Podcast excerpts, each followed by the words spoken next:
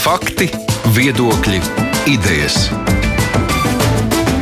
Raidījums Kruspunkta ar izpratni par būtisko. Aizstamsons studijā mēs šajā stundā palūkosimies uz aizējošās nedēļas notikumiem.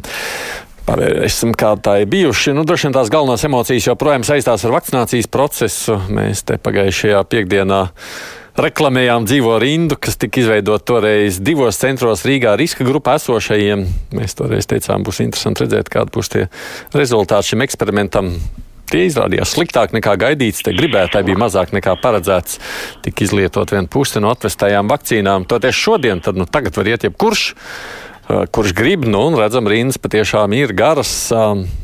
Nekā tikmēr nelaimīgi ģimenes ārsti, kas sūdz, ka viņiem pašiem vakcīnas vēl mazāk nekā vajadzētu. Bet nu, publiskā telpa satricināja arī slepkavību Rīgā, kur policijas rīcība ir vērts pārnāt. Cik saprotams, tātad slepkavas nav izdevies notvert. Piekdienā žurnālisti komentēja mums šeit nedēļas aktualitātes raidījumam pieslēgsies man kolēģi Māra Jansons. Sveiks, Māra! Sveiks! Tāpat Sanita Daugste no TV24. Sveika! Dien. Sanita Uplējā, Delfi. Sveiks, Sanita. Sveiki. Un arī LTV žurnālists Aleksis Dundes. Sveiks, Aleksei. Labdien!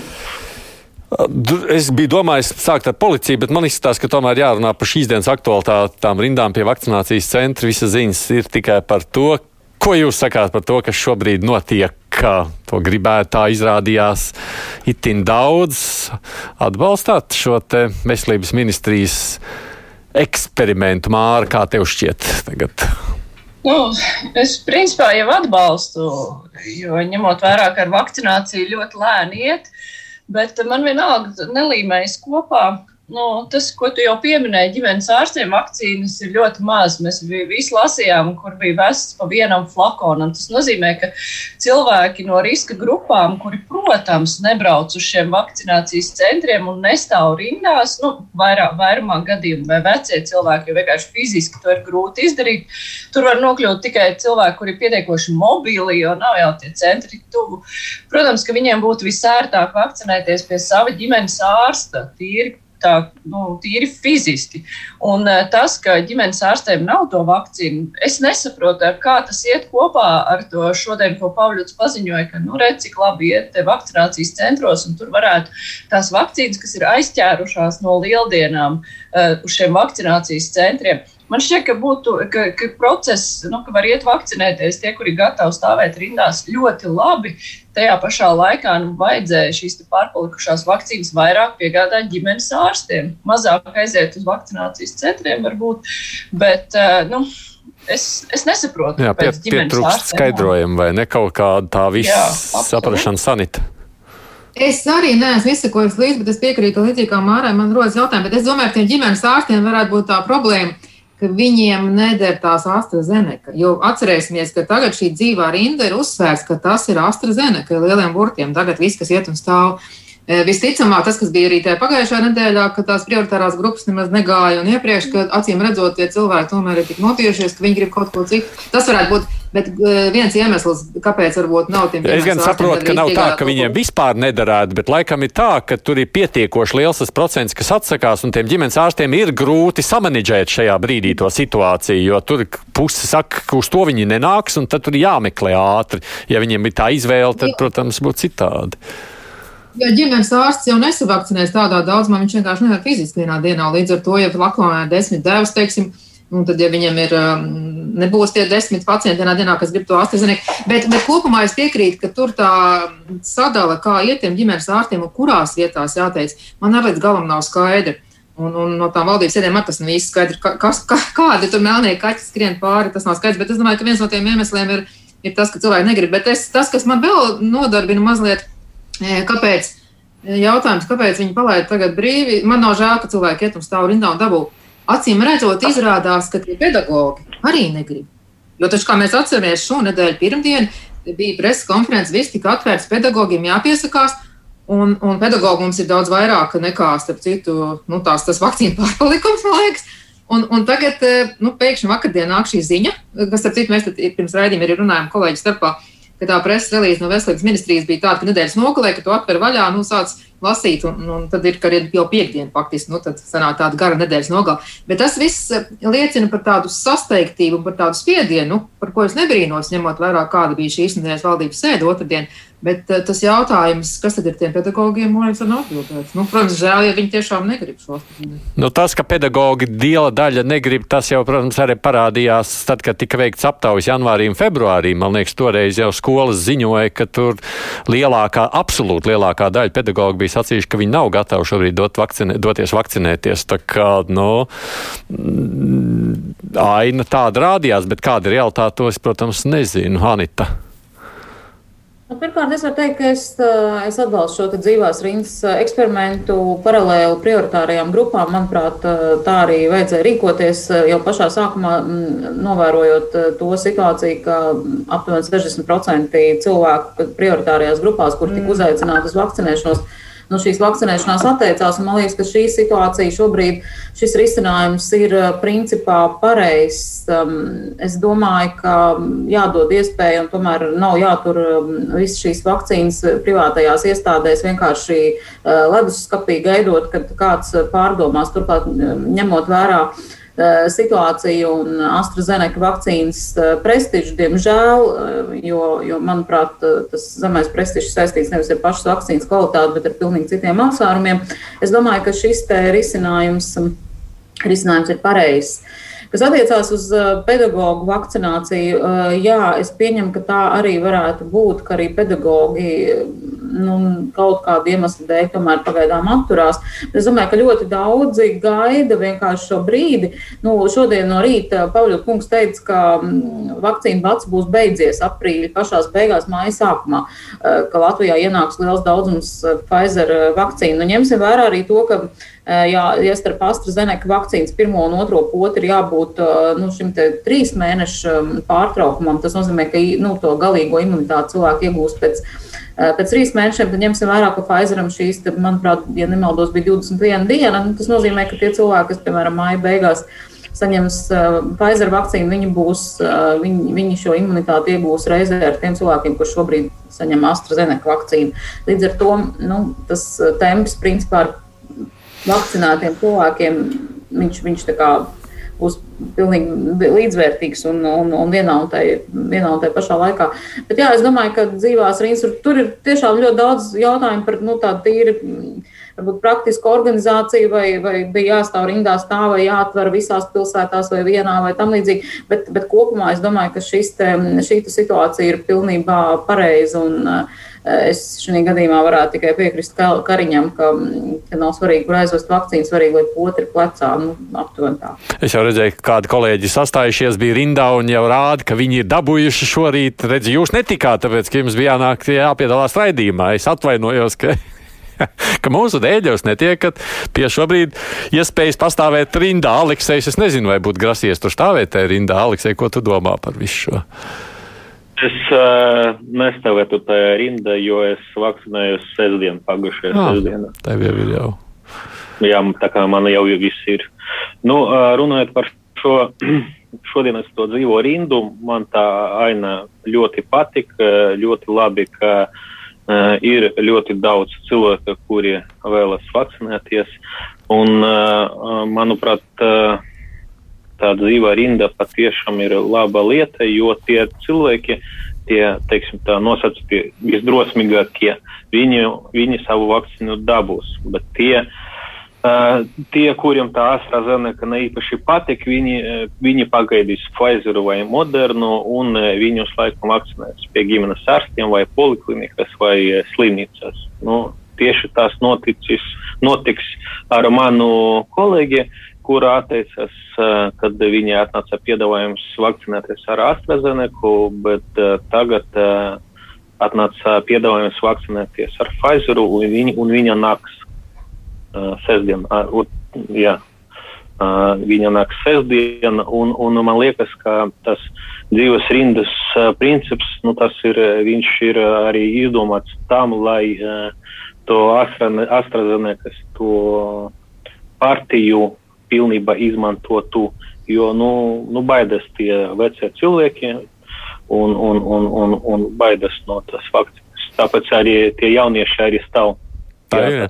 Tas jau ir tas iemesls, kāpēc mēs arī ACS Māri pagājušajā runājām, ka man likās, ka tas vienīgais risinājums varētu būt tāds, jo tas arī parādījās no mūsu pagājušās ceturtdienas vēl sarunas ar to, ka, nu, ja galu galā tie, kuriem šķiet, ka AstraZeneca nav, tad viņi var gaidīt tajās rindās, kad rinda pienāk, bet, nu, ņemot vērā, ka tai AstraZeneca pat Redz, sestdien mēs spriedām, tad atvērts prioritārās grupas dzīvā rinda. Nu, ies, aizies, neaizies. Bet neaizgāja, puse tikai aizgāja.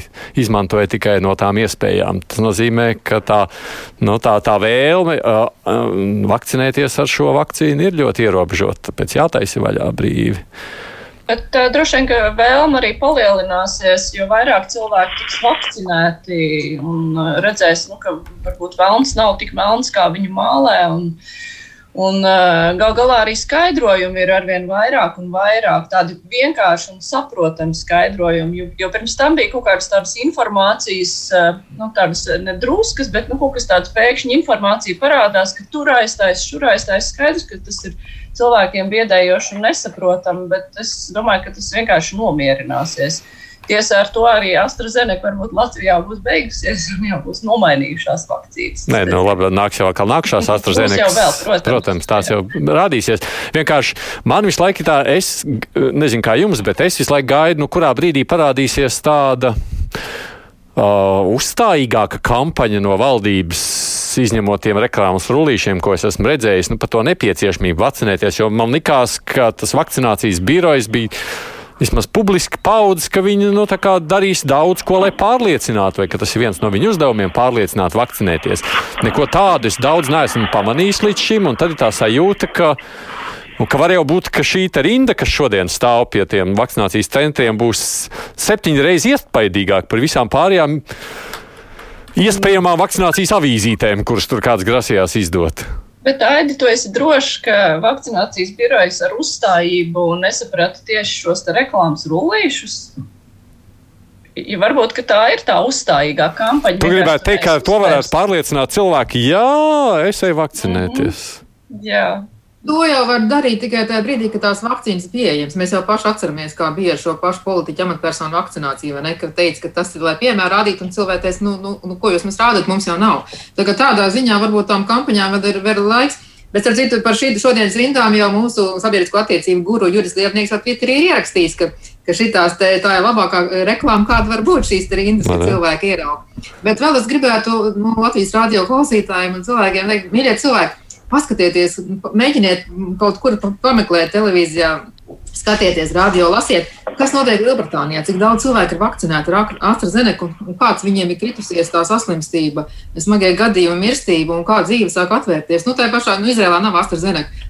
Nu, tas, tas vienkārši ir vērts to darīt. Tur nav ko, nav ko mm, šausmināties. Es, es domāju, Jā, es domāju, ka ļoti svarīgs ir tas brīdis, kad veselības ministrija beidzot nāks klajā ar to priekšrocību sarakstu vakcinētiem cilvēkiem. Es domāju, ka tas būs tas, tā labākā uzrunas forma arī tām prioritārajām grupām, kuras šobrīd izrāda tik ļoti lielu atturību vakcinācijā. Uh, Un, um, manuprāt, tas ir, tas ir nepieciešams, jo viena ļoti daudz cilvēku, kas šobrīd no rīta, kad mm, Rīta TV24 bija reportāža no ATA centra, ļoti daudzi jauni cilvēki, ja pārsvarā tur stāvēja jauni cilvēki, viņi teica, ka viņu galvenais arguments ir, nu, viens ir satikties ar, satikties ar saviem vecākiem un, un draugiem, tas ir priekš viņiem būtisks arguments, lai vakcinētos, un, un ļoti daudz teica arī šo ceļošanas momentu. Nu, mēs zinām, ka Eiropas Savienība domā par šo digitālo zaļo certifikātu, kas pagaidām ir tikai domāts kā ceļošanas uh, ceļošanas dokuments arī tiem cilvēkiem, kuri ir eh, vakcinējušies. Bet, eh, bet iespējams, ja, ka būtu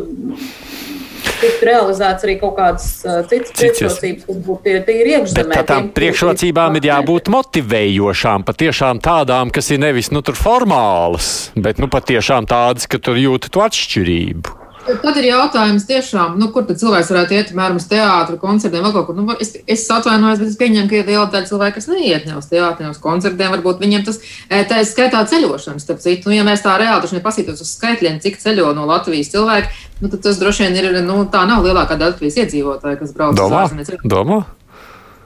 Es domāju, ka jā. Nu, man liekas, ka Nē, es domāju, ka ceļošana prioritārās grupas patiesībā um, ceļošana nebūs arguments prioritārajām grupām. Ceļošana varētu būt uh, arguments tieši šiem jaunajiem cilvēkiem, kur tāpat ir ar mieru vakcinēties. Tāpēc es, tāpēc es arī saku, ka, ka veselības ministrijai vajadzētu nākt ar kaut kādu noteiktu priekšrocību sarakstu, uzrunājot tieši šīs te um, no šīs prioritārās grupas izskatīt šos te, viņiem būtiskos argumentus, kādi būtu, lai, lai tiešām vakcinētos. Es, piemēram, zinu savos rados, nu, man, piemēram, vecāki abi vakcinējās laukos Salzburgā ļoti ātri, faktiski vēl otrā dienā. Nu, tad, kad sāka tās grupas, kas bija 80 plus vakcinēt, tās pirmās. Un, bet ir man viņu tā kā vienaudžu, un ar AstraZeneca vakcinējās. Un tas, tas mums ļāva, tagad, kad drīkstēja šī nedēļas noklē, pirmo reizi pēc piecām nedēļām, pieciem mēnešiem atvainojos, aizbraukt ciemos, laukos, tiešām ārā, ārā satikties. Un, Un tas, tas ļoti maina teiksim, vispār, eh, nu, situāciju. Tas, protams, ir ļoti jauki gan viņiem, gan mums. Eh, ko es gribēju teikt, ka teiksim, ir vienaudži man vecāki, kuri joprojām nevakcinējas, ir daļa. Un tikai tāpēc, ka viņi faktiski arī nu, ir izplānojuši, ka viņi gaidīs to labāko, un viņi burtiski gaida tiešām cits. Un, un šos cilvēkus ne, ne, nemotivēs nekādi eh, bonusi, nekāda ceļošana, nekādi pasākumi. Tikai tas, ja viņi varēs apmierināt. Nu, tādā ziņā es neapskaužu principā, šos eh, procesu organizētājus, ja ir nu, tik daudz to saskaitāmo un nezināmo. Un, un, No, jā. Mums vakar bija divās puslodēs raidījums, kurā mēs sazvanījām dažādas valsts, kāda ir situācija tur ar to vakcinēšanos. Un, piemēram, Lielbritānijā 97% no vecīšiem 80 plus ir jau vakcinēti ar AstraZeneku. Tas ir uh, skaitlis, kurā man liekas, Latvijā, es nezinu, nu, mums tas liekas kosmisks kaut kāds skaitlis. Es ne, neredzu, kā mēs varētu līdz kaut kam tādam aiziet. Un, nu, ļoti līdzīgi gāja. Es nezinu, kā Lielbritānijā, bet, teiksim, tagad arī tas, kas man nodarbina, nu, nenodarbina, bet tas, kas ir parādījies, mēs to zinām. Kā mēs zinām, tad Latvijā ir ģimenes ārsts laikam pār pa 1200 vai kaut kas tamlīdzīgs. Kā mēs zinām, no tiem nu, vakcinē puse. Tagad seši, jā, pusi. Un tas nozīmē, ka viņi nevakcinē arī parastos apstākļos. Nu, teiksim, pirms pandēmijas, tad viņi nevakcinē arī savus pacientus pret gripu un tam līdzīgi. Un tad, ko mēs gribam? Ja cilvēki nu, ikdienā pieraduši, ka viņu ģimenes ārsti ir tie, kas vakcinē vai mudina vakcinēt, nu, vakcinēties arī pret gripu un tam līdzīgi, ja, nu, tad faktiski sabiedrībā nav to tradīciju. Nu, tad arī, un tas ir tagad visu pandēmijas laikā jāsāk risināt. Skatoties uz premjeru, kurš nebija domājis sadusmoties, bet tomēr sadusmojās. Man patīk viņa izteicieni. Viņš kā jau ārzemju latviečs reizēm labi izsakās. Aleksei, ko tu domā, bija pamats premjeram dusmoties? negribot? Nu, premjeras uh, visu kritiku veltā veselības ministrijai. Bet man ir jautājums, ja veselības ministriju vadīs pats premjeras, vai viņam būtu kaut kādi citi rezultāti, vai viņi būtu kaut kādi citādāki? Uh, viņš, protams, mēs, protams, mēs no pirmās dienas varējām uztaisīt to brīvo, ri, brīvas rindas principu. Lai iet tie, kuri vēlas vakcinēties. Bet uh, tas lēmums, kam ir uh, jāvakcinē vispirms prioritārus cilvēkus, uh, viņš ir pieņems ar to domu, ka tie cilvēkiem, tiem cilvēkiem tas covid ir, viņš ir bīstamāks nekā pārējiem. Un tāpēc, tieši tāpēc tas prioritāras grupas ir uztaisītas. Un, protams, ir jautājums, kāpēc cilvēki, kuri tajās grupās atrodas, nevēlas vakcinēties. Tas ir, nu, protams, es sapratu, ka cilvēkiem bail, jo viņam ir problēmas ar veselību, viņu vecumu un tā tālāk. Tad, laikam, vajadzēja runāt par labāku komunikāciju. Bet vai nu, vai veselības ministrijai jāatbild par tādu komunikāciju? Nu, tikai veselības ministrijai, vai mums nav valstī kaut kādu PR speciālistu vai strateģisko komunikāciju centru? Tas ir jautājums. No, Protams, ministrija jau atbild par to, lai šādu centru viņa uztaisīja vienu vakcinācijas centru. Nu, nekas jau tur. Uh, nu, uztais, uztaisīja, pēc tam uh, apsprieda nevis uh, nevis vakcīnu, vakcīnas un, un prioritāras grupas, bet apsprieda tikai biroja algas. Vai par to vajadzēja komunicēt? Tas jau ir. Manuprāt, lielākā problēma ir komunikācijas kļūdas, kas bija pieļautas, bet uh, man neliekas, ka tas ir tikai un vienīgi veselības ministrijas un veselības uh, ministra vaina. Ja tam, ka viņi, ka viņi ir, ja, viņi, nu, viņam, viņam ir problēmas izstāstīt cilvēkiem, kāpēc jāvakcinējas. Tas tā, reklāmas rulišie viņi, ar, ar laimu vaikuli, viņi, pa, viņi parādījās pārāk, man, man liekas, ka, ka viņi varēja parādīties agrāk. Nu, vēl jautājums, protams, vai vispār cilvēki ir uzrunājumi šādā veidā reklāmas rullīšiem, jo daži no šiem reklāmas rullīšiem man, piedodiet, izskatās tik ļoti infantīli un, nu, īstenībā nepārliecinoši, ka tas ir pavisam cits jautājums. Bet vakcīnu izvēles jautājumam, protams, ir ļoti, ļoti liela nozīme. Uh, nu, piemēram, Latvijas, Latvijas reģionā, Latvijas pašvaldībās, ja šis jautājums uh, par Sputniku, viņš ar citu nav, nav nekādā veidā atcelts. Tas ir Tas ir, tas ir jautājums tāds, vai mēs gribam, nu, kas mums ir svarīgāk, vai mēs atstāsim.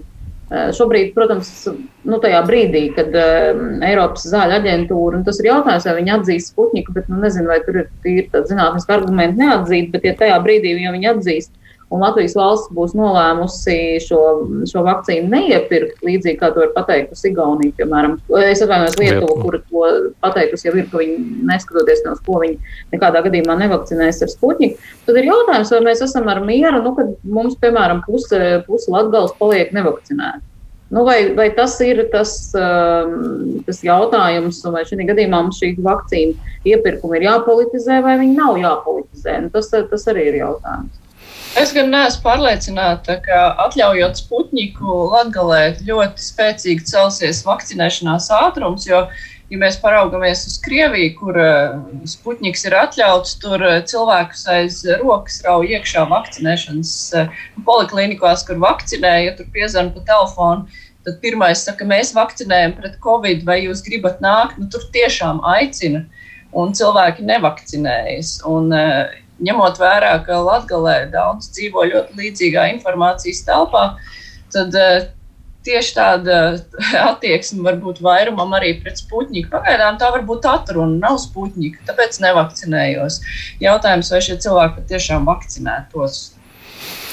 Starp citu, aptaujas rāda, ka tas process iet tālāk, jo vispār tā vakcinācija notiek, ka faktiski cilvēki tas noskaņojums mainās. Ja sākumā bija tur kaut kāda nezinu, puse bez mazliet negribēja, tad tagad jau ir tikai trešdaļa, kas negrib. Tas ir kopumā Latvijā. Un tas droši vien tā arī aizies, ka jo vairāk apkārt cilvēki būs vakcinējušies, tur redz, ka viņiem nekas nekaiš, ka tas tā aizies. Bet vēl ir tā, ka šonadēļ valdības sēdē tika prezentēta tā aptauja, ko eksperti tātad, nu, pasūtīja tur SKDS veids martā, un tur parādās, ka 10% ir tie Latvijas iedzīvotāji, kas vēlas tikai sputniku un neko citu. Tas nav ļoti daudz, bet Kas ir būtiski, tā nav tikai Latvija. Pārsvarā tas arī ir Rīgā ļoti daudz. Nu, tāpēc, ka būsim godīgi, tā nav tikai Latvija, kas dzīvo.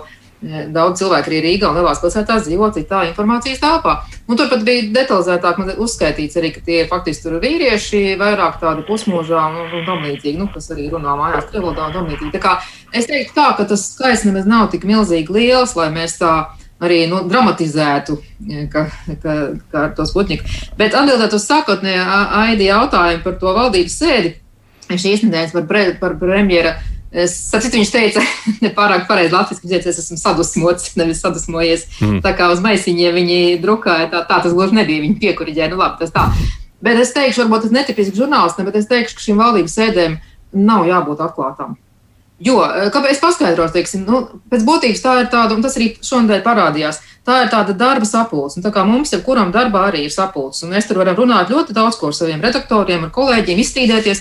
Un tad mēs, kad esam pieņēmuši lēmumu, mēs darām savu darbu, mēs publiski tā sakot, ne, ne, nekritizējam viens otru. Ja? Nu šeit pēc būtības valdība arī, nu, viņiem ir jādara tas darbs, viņiem ir šie jautājumi jāuzdod, viņiem ir jāstrīdās savā starpā, premjeram ir jāprasa, un tad sanāk, ka tās emocijas nu, izvirst tā, kā viņas izvirst. Nu, tur, protams, arī daudz sarunā visu kaut ko lieku. Bet tad e, šī pašā tās valdības sēdes vakarā bija preses konference, kad premjeram jautāja, nu, tad, ko viņš darīs. Šī, viņš principā ļoti mierīgi nu, pateica, ka veselības ministrija dara var labāk, un tā viņš ļoti uzticās un tam līdzīgi. Un pareizi viņš darīja, bet pēc būtības bija tā, ka tā bija iekšējā sapulce, nu, kur jūs tiešām visu kārtīgi izrunājat, iz, izstrīdaties un tad, tad, nu, tad sarunājat, ko darīs. Un tad pēc tam jūs publiski tā kā nu, darat to darbu un, un nekritizēt viens otru. Ja? Tā problēma ir tā, ka tagad visi to uztver kā tādu šovu, skatās un, un tās. Nu, Es nedomāju, ka tas palīdz tam, tam visam procesam. Tāpēc, ka mēs aiz, tām, aiz tiem strīdiem, aiz šiem te, e, beigās tiem klipiņiem, ko arī, starp citu, Kariņš kā ļoti gudrs politiķis un ļoti pieredzējis. Viņš jau zina, viņš jau sagatavo apmēram tādu runājumu dažās minūtēs, ko var ļoti smuki nofilmēt, un jūs paskatieties, ja? un pēc tam palaiž eh, portāli vai, vai arī sabiedriskie mēdīji palaiž tīklos. Viņam jau kā politiķim tas noder, bet vai tas kopumā kaut ko maina šajā procesā, tajā visā lielajā nervozitātē, kas ir ap vakcinācijas procesu, es domāju, ka tas varbūt pat vairāk kaitē šie savstarpēji ļoti publiskie strīdi. Es gribu pabeigt šo tēmu par vakcināciju. Tikai pēdējais jautājums. Vajag mums tos dāņu neizlietotās AstraZenekas savākt kaut kādu daļu sev jau var dabūt vai nevajag, jūsuprāt? Es domāju, ka vajag. Vajag, vajag. Es, es uzskatu, ka vajag. Manuprāt, ministrs gluži pareizi pateica, varbūt ne ļoti veikli nokomunicēts, nu, varbūt tas netika ļoti veikli nokomunicēts, bet gadījumā, ja mēs pateiktu, ka mums, ziniet, to AstraZeneca nevajag, tas pilnīgi sagrautu jau piegādāto AstraZeneca prestižu, un es uzskatu, ka šī gadījumā tas būtu, tā būtu bijusi absolūti nepareiza rīcība atteikties no šī AstraZeneca vakcīnām. Turklāt mēs redzam, ka pieprasījums ir arī pēc AstraZeneca. Mēs tagad to redzam, un atradīsies cilvēki, kur neaizgāja šodien, negribēja stāvēt rindās, bet kur labprāt vakcinēsies vēlāk. Protams, ja mēs vispār dabūsim. Jā, Man mēs arī... vienoties, ka šis ir pareizs solis līdz mirklim. Vismaz šis, piedod, Aleksei. Saka, Aleksei. Man arī liekas, ka vajadzēja, bet nevajadzēja, nevajadzēja rakstīt to tvītu. Kāpēc? Nu, nu, tāpēc, ka nevajag. Tāpēc, ka vajadzēja pēc uh, nākamajā dienā pateikt, ka mēs dabūsim papildus uh, AstraZeneca devas. Nevajadzēja. Nu. Neizklausās labi, saka, šitiem nevajag, tad mēs ņemam tā, jā? Jā. Tāds publiskais veistījums. Es atgādinu, šeit mums ir četri žurnālisti. Anita Daugš, TV24, Anita Tuplē Delfi, Aleksis Dunde no LTV un Mārija Ansanta par Latvijas radio. Raidījums Krustpunktā. Vēl viena lieta, kas neapšaubām šonadēļ satricināja publisko telpu, bija slepkavība Rīgā, Purciemā. Mēs nav nemaz tik bieži šādu veidu slepkavības uh, publiskā vietā, tarnējot auto.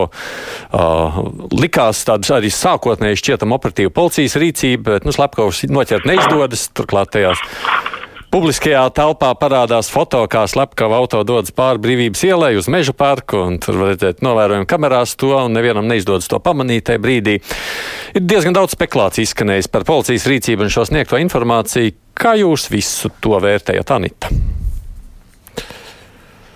Es patiesībā skatījos uz to ar, ar ļoti lielu satraukumu, un mani šobrīd arī satrauc un nepārliecina policijas komunikācija šajā jautājumā. Es domāju, ka šis būs ārkārtīgi smags trieciens policijas prestižam. Uh, gadījumā, ja šī te uh, slepkavība un apšauda netiks, netiks atklāta, tā ziņa, kas nākamajā dienā parādījās, ka izrādās, nu, teiksim, tā, tika bloķētas šoseis un tā, tā policijas spēka iesaist, kā mēs redzējām, bija ļoti, ļoti liela. Te pašā laikā izrādījās, izrādījās ka šī te, šī te automašīna tiek atrodas pat vien Rīgā un, un tiek vēl sadedzināta no sākuma šķita, ka tas ir tāds, nu, teiksim, tāds spontāns, iespējams, spontāns noziegums, tad tagad ir skaidrs, ka tas tomēr ir bijis pietiekoši izplānots un, mm, un tāds um, nu, organizēts, uh, organizēts uh, noziegums. Mums pārāk ilgi uh, jau ir šī situācija, ka neizdodas atklāt nevienu no šīm smagajām un skaļajām slepkavībām. Šī situācija ir tik nopietni ievilkusies, ka man pat grūti um, nu, teiksim, tā, raksturot to mērogu, ko tas vispār nodara policijas prestižam kā tādam un iedzīvotāju uzticēšanās pakāpēji policijas, policijas iestādēm.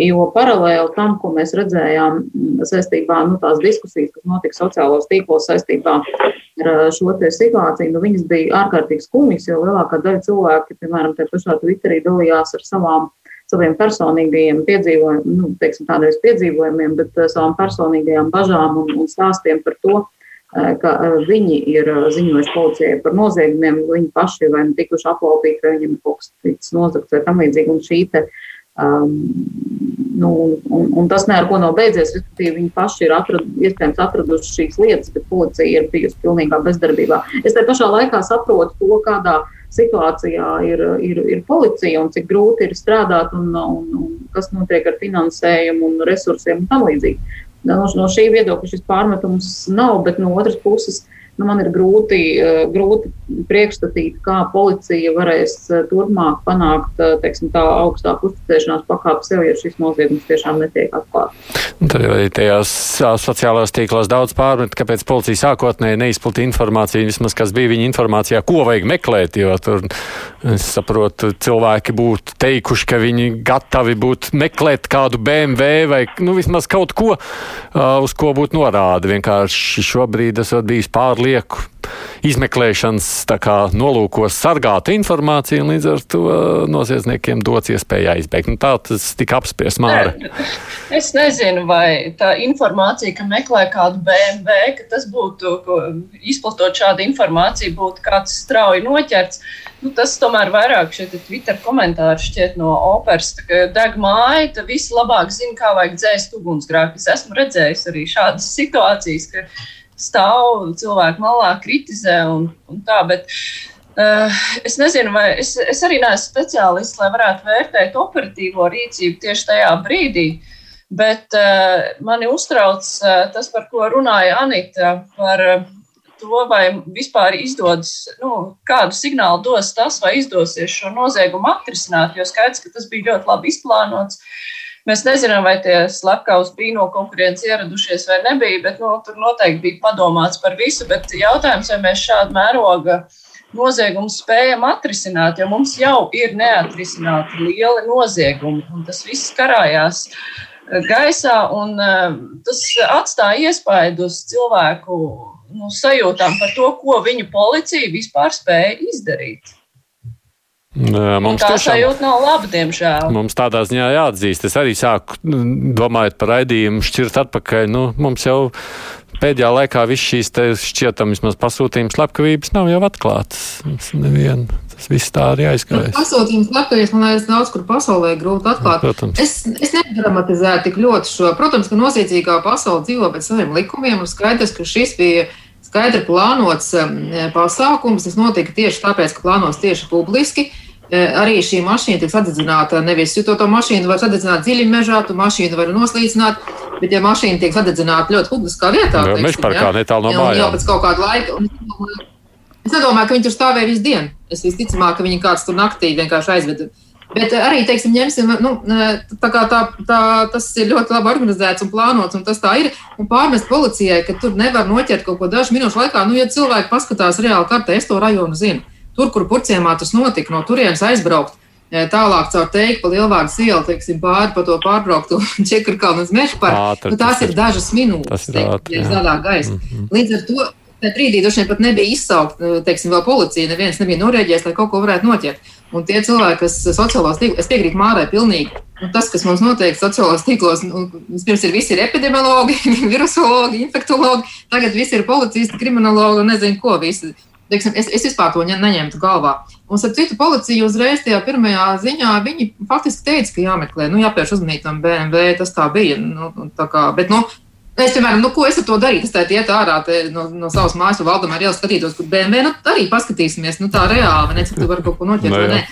Un pat ja viņi neatklāš šo, neatklāj, es, es tā baigi nedramatizētu, ka tas šausmīgi ietekmē nu, tādu vispārējo situāciju. Es teikšu godīgi, E, nu, nu, nu, šādas slepkavības netiek organizētas ar jebkuru cilvēku. Līdz ar to ne, nav tā, ka, ka visiem mums ir jājūtas ļoti e, teiksim, tā, nu, nedroši, ka mums tagad kāds var uz katru mums var šaut. Nu, skaidrs, ka tur kaut kas apakšā ir. Protams, man ir žēl šo cilvēku, kas ir nošauts, bet acīm redzot, nu, e, tur tas, tas bija plānots un, un, un nu, tur kaut kas zem tā nu, slēpjas. Nu, es... Lai viņai veicas, bet nevajadzētu arī pārāk traucēt. Es par šo esmu arī aizdomājies. Nu, redz, kas Jā, tur ir kaut kam jābūt nopietnam apakšā. Nu, tā vienkārši cilvēki nešauj nost. Latvijā tas nemaz tik bieži nav. Aleksei, tev tas nemulsina, ka mums kādreiz ir kaut kādas tādas lietas, kur, kur šādi tiek risinātas attiecības. Nu, jūs sākumā pateicat, ka tas uh, noziegums ir satricinājums. Man uh, visvairāk uh, nepatīk tas, ka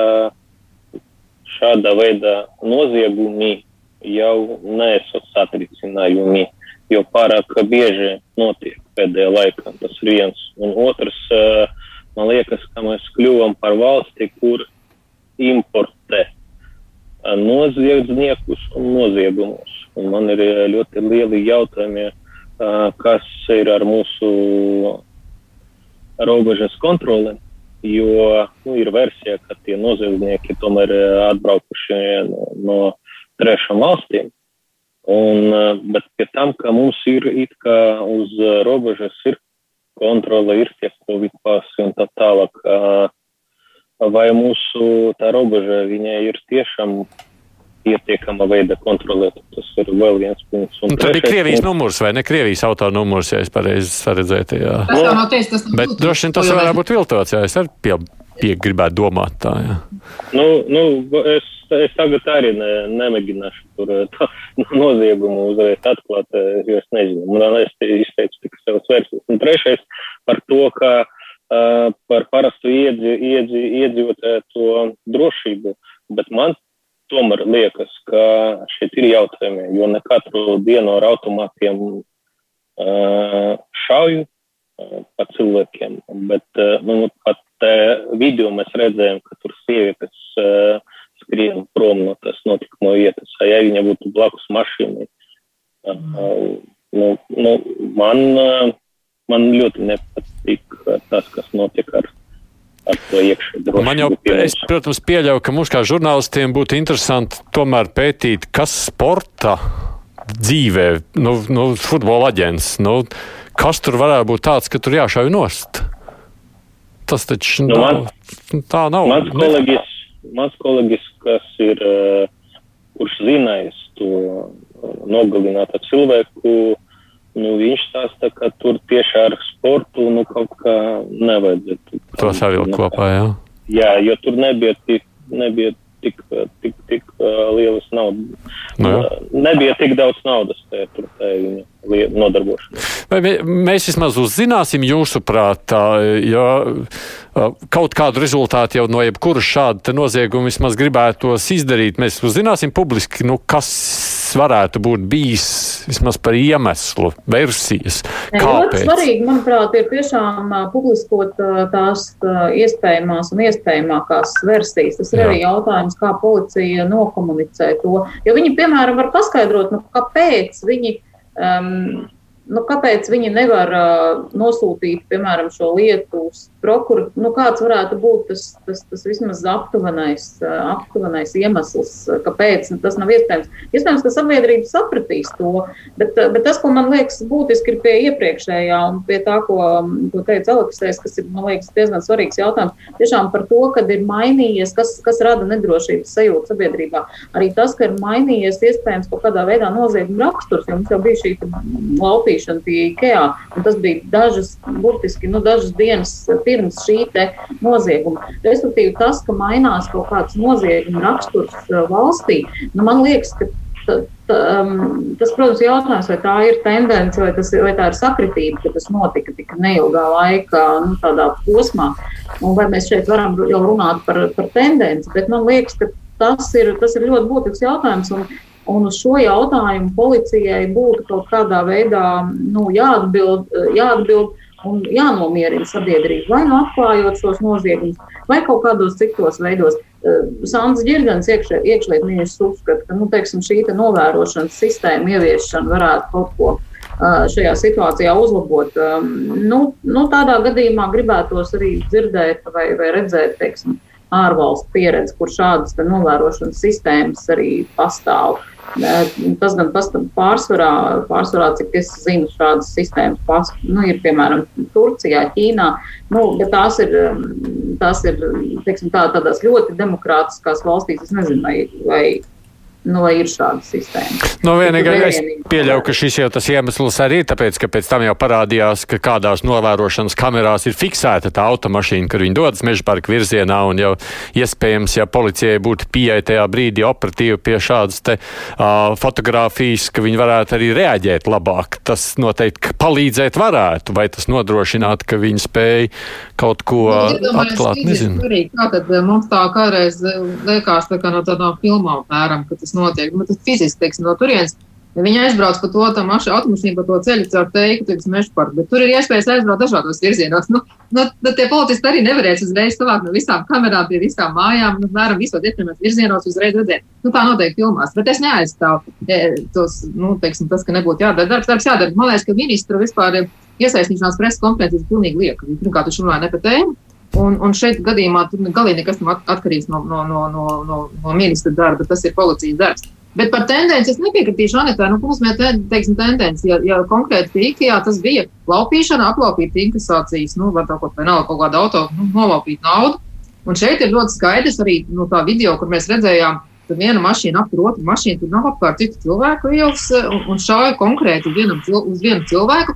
Tas ir šausmīgi, bet tā ir pasūtījuma slepkavība. Tās ir nu, kaut kāda cita iemesla dēļ, neko neaplaupot, neko, un pēc tam dodot vēl kaut kādu zīmi ar dedzināšanu. Tas ir nu, mums, lietas, mums bija kādus gadus, ka mums šķiet bija tāds gandrīz miers no tādām skaļām pasūtījuma slepkavībām. Pēdējo pāris gadu laikā viņas parādījušās ir vairākas, tāpēc jau tās bažas, sakot, ka vai mēs neatgriežamies šo teicienu, vai mēs neatgriežamies 90. gados, es atceros, mēs vienā piekdienā pārnājām pirms, pirms kaut kādas iepriekšējās slepkavības.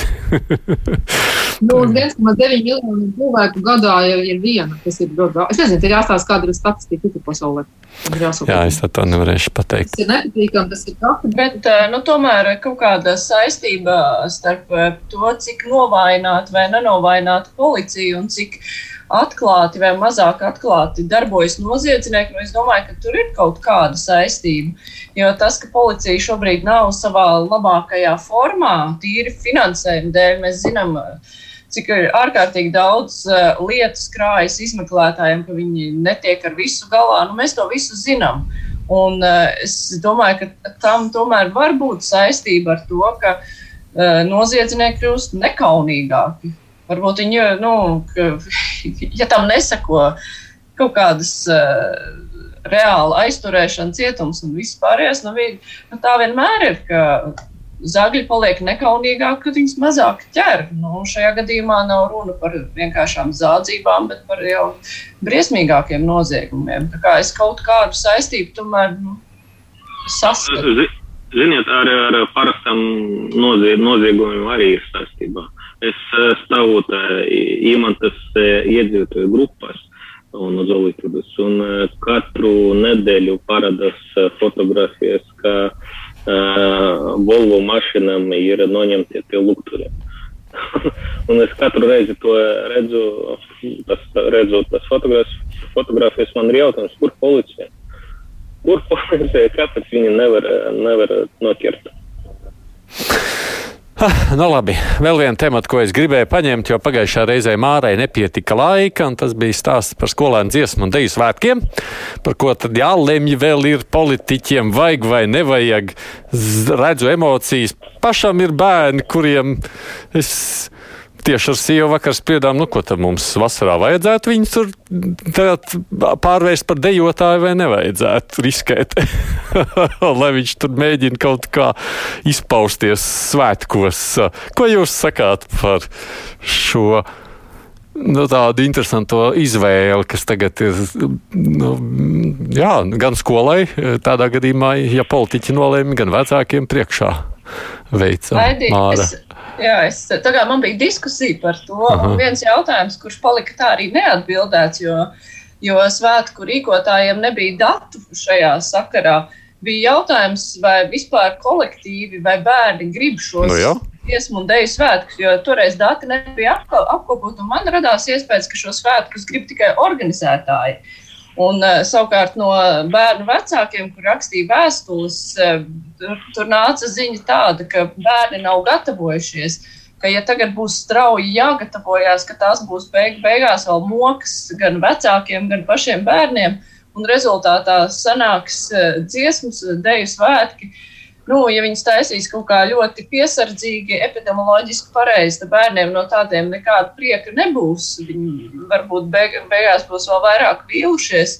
Un tad eh, sanāks tāda kņāda rosība, un, nu, kas īstenībā nevienam nav vajadzīga. Plus vēl risks, ka var slimība izplatīties un tad būs apdraudēt, uh, apdraudēts jaunais mācību gads, kas būtu pavisam briesmīgs. Mums vienā pusē man radās iespējas, ka tas visvairāk ir vajadzīgs organizētājiem, nevis bērniem. Vienā, jā, es, gribu, es gribu par savu pie, pieredzi, par savu pieredzi izstāstīt, jo es uh, biju tieši dejotājs savā bērnībā un piedalījos svētkos.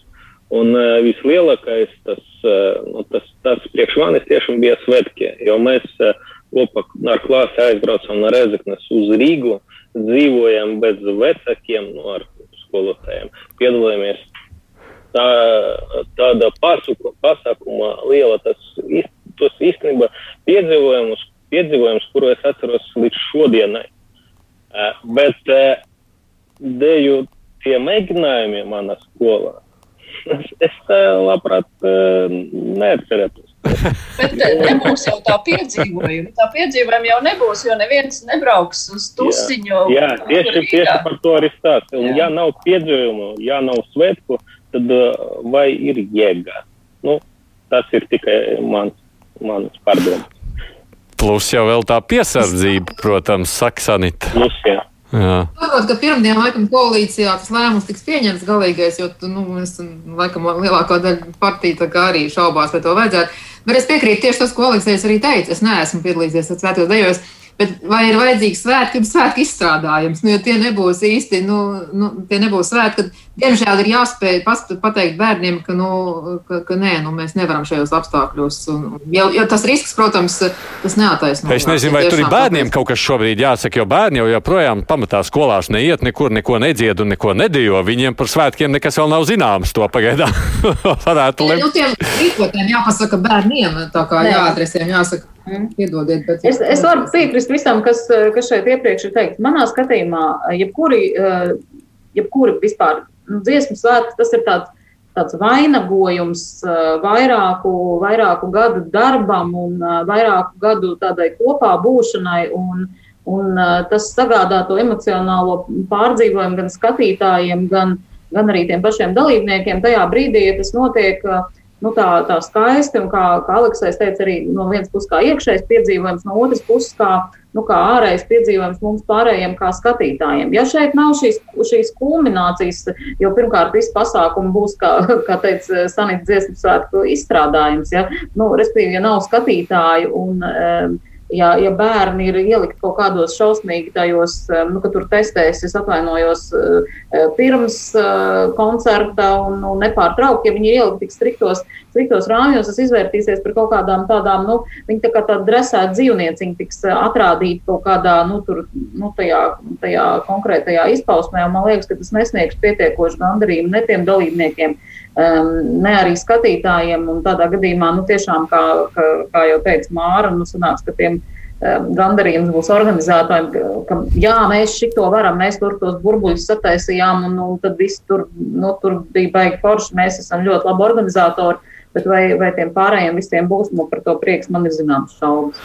Nu, ja tam tas ir bērnu dēļu un, un dziesmu svētki, tas nav kultūras ministrijas ieradņu svētki jādomā par bērniem. Es, man aizdomas, vai nesnāk beigās tā, ka organizā, ja, ja, ja, ja tiešām nolēmtu, ka ir dziesmu deju svētki, tad svētki ir, organizētāji visi ir, bet nav kas dejo un dzied. Nu, ir jau daži. bet nav, bet nav bērnu. Tas arguments, ka sanāk tagad, nu, ka uzliek to, pasaka, tas ir brīvprātīgi, bet tagad, nu, tā kā tu uzliec to atbildību un tiem vecākiem ir jārunā tiem bērniem, tad sanāk valsts ļauj vecāki. Ne, nevajadzētu varbūt tomēr jāpieņem kaut kāds liels lēmums jāpasaka, kā mēs kopā darām, nevis, teiksim, tā kā, nu, principā radīt spriedzi pat vecāku un bērnu starpā, apmēram, ka tev tagad ir jāskaidrojās, nu, ja bērni, piemēram, grib vecāku, bet negrib. Tur arī tā, tīri praktiski es eh, nevaru iedomāties, nu, jo tie bērni jau tur nepiedalās vai ģimenes individuāli, tur ir kolektīvi.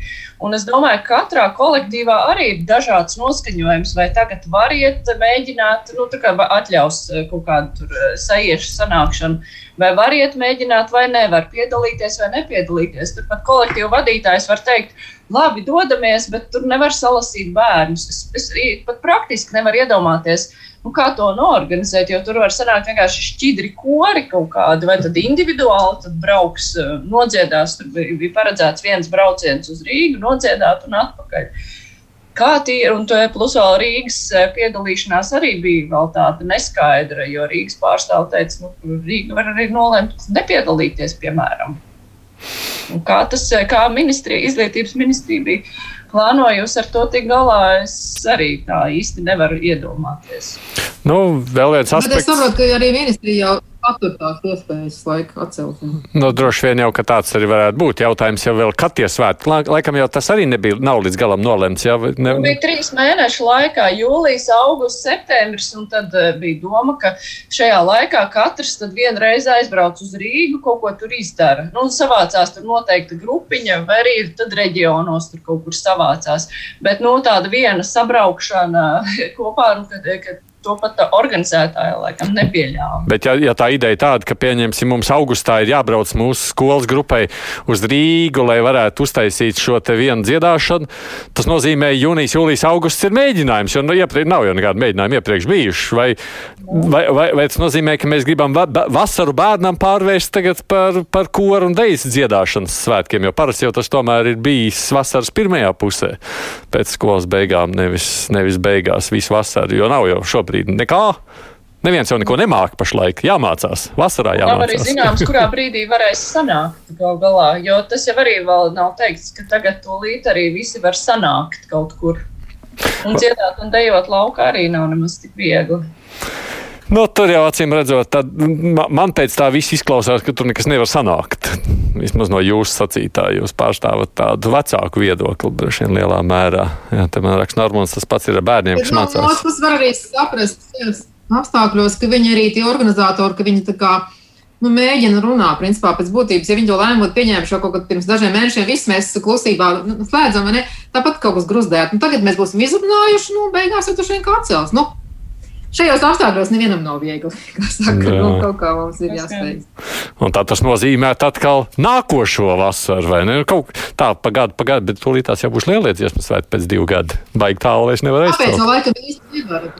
Laikam šitā vasara, vai nu šī vasara, tad arī, un tad, tad šie svētki faktiski ir atcelti. Mm. Tā, Kas ir tāds? Nē, ne... vēl jau var notikt, protams, brīnums, Covid beigsies, viss, viss beigsies, viss ierobežojumi atcelt, tā jau kāda problēma. Tā kā ej dziedi un uh, Nu, redzi, ja mums tās vakcīnas būtu pietiekami iepirktas, šobrīd mums būtu daudz vakcīnu, tad būtu cits stāsts. Jā, bērns jau gan nevakcinē. Tā, tā ir vēl viena lieta, ko jāpieliek mērā. Protams, vēl viss varētu atgriezties. Es skatos, jaunu tematu es nevaru, neko vairāk nevaru. Linda raksta tikai svētkiem iedalītā nauda jāapgūst. Mums ir nospļauties par bērniem. Arī Guns tāpat domā, budžetā ir paredzēta nauda. Nu, es tik skeptisks es atkal nebūtu. Droši vien jau katrs naudu valdība noteikti labprāt zinātu, kur izlietot to veiksmīgāk. Kolēģi, paldies! Mārija Ansona kolēģi, partneri, kas būs nākošais nedēļa, gan jau atkal raidījuma vadītāji kādā no dienām, otrdienā. Anita Daugšta, TV24, Sanita Uplēja no Delfiem un Aleksijas Dunde no Latvijas televīzijas. Mēs pirmdien krustpunktā Mēģināsim palūkoties uz to, kas notiek pansionātos. Starp citu, tēmu, kur man liekas, žurnālisti diezgan daudzi palaiduši garām, jo tur tā situācija varētu būt vairāk pārunāta, man liekas, nekā mēs esam varējuši par šo šeit runāt ēterā. Mums saruna būs ar pansionātu Liepa direktoru Ilzi Puriņu. Viņ, tas bija pansionāts, kurš pirmais parādījās rudens ziņās, ka tur lielākā daļa no aprūpētājiem un darbiniekiem ir saslimuši ar Covid. Un, kāda ir tā pašreizējā situācija, kāds vispār viss izskatās, kas notiek un kā vispār izpaužas pandēmija pansionātā, kur, kā zināms, tie ierobežojumi jau ir tomēr jābūt striktiem. Par to pirmdien kruspunktā lielajā intervijā producenti sevi junām studijā šodien bija arī es, Aidis Tomsons. Fakti, viedokļi, idejas. Raidījums Kruspunkta ar izpratni par būtisko.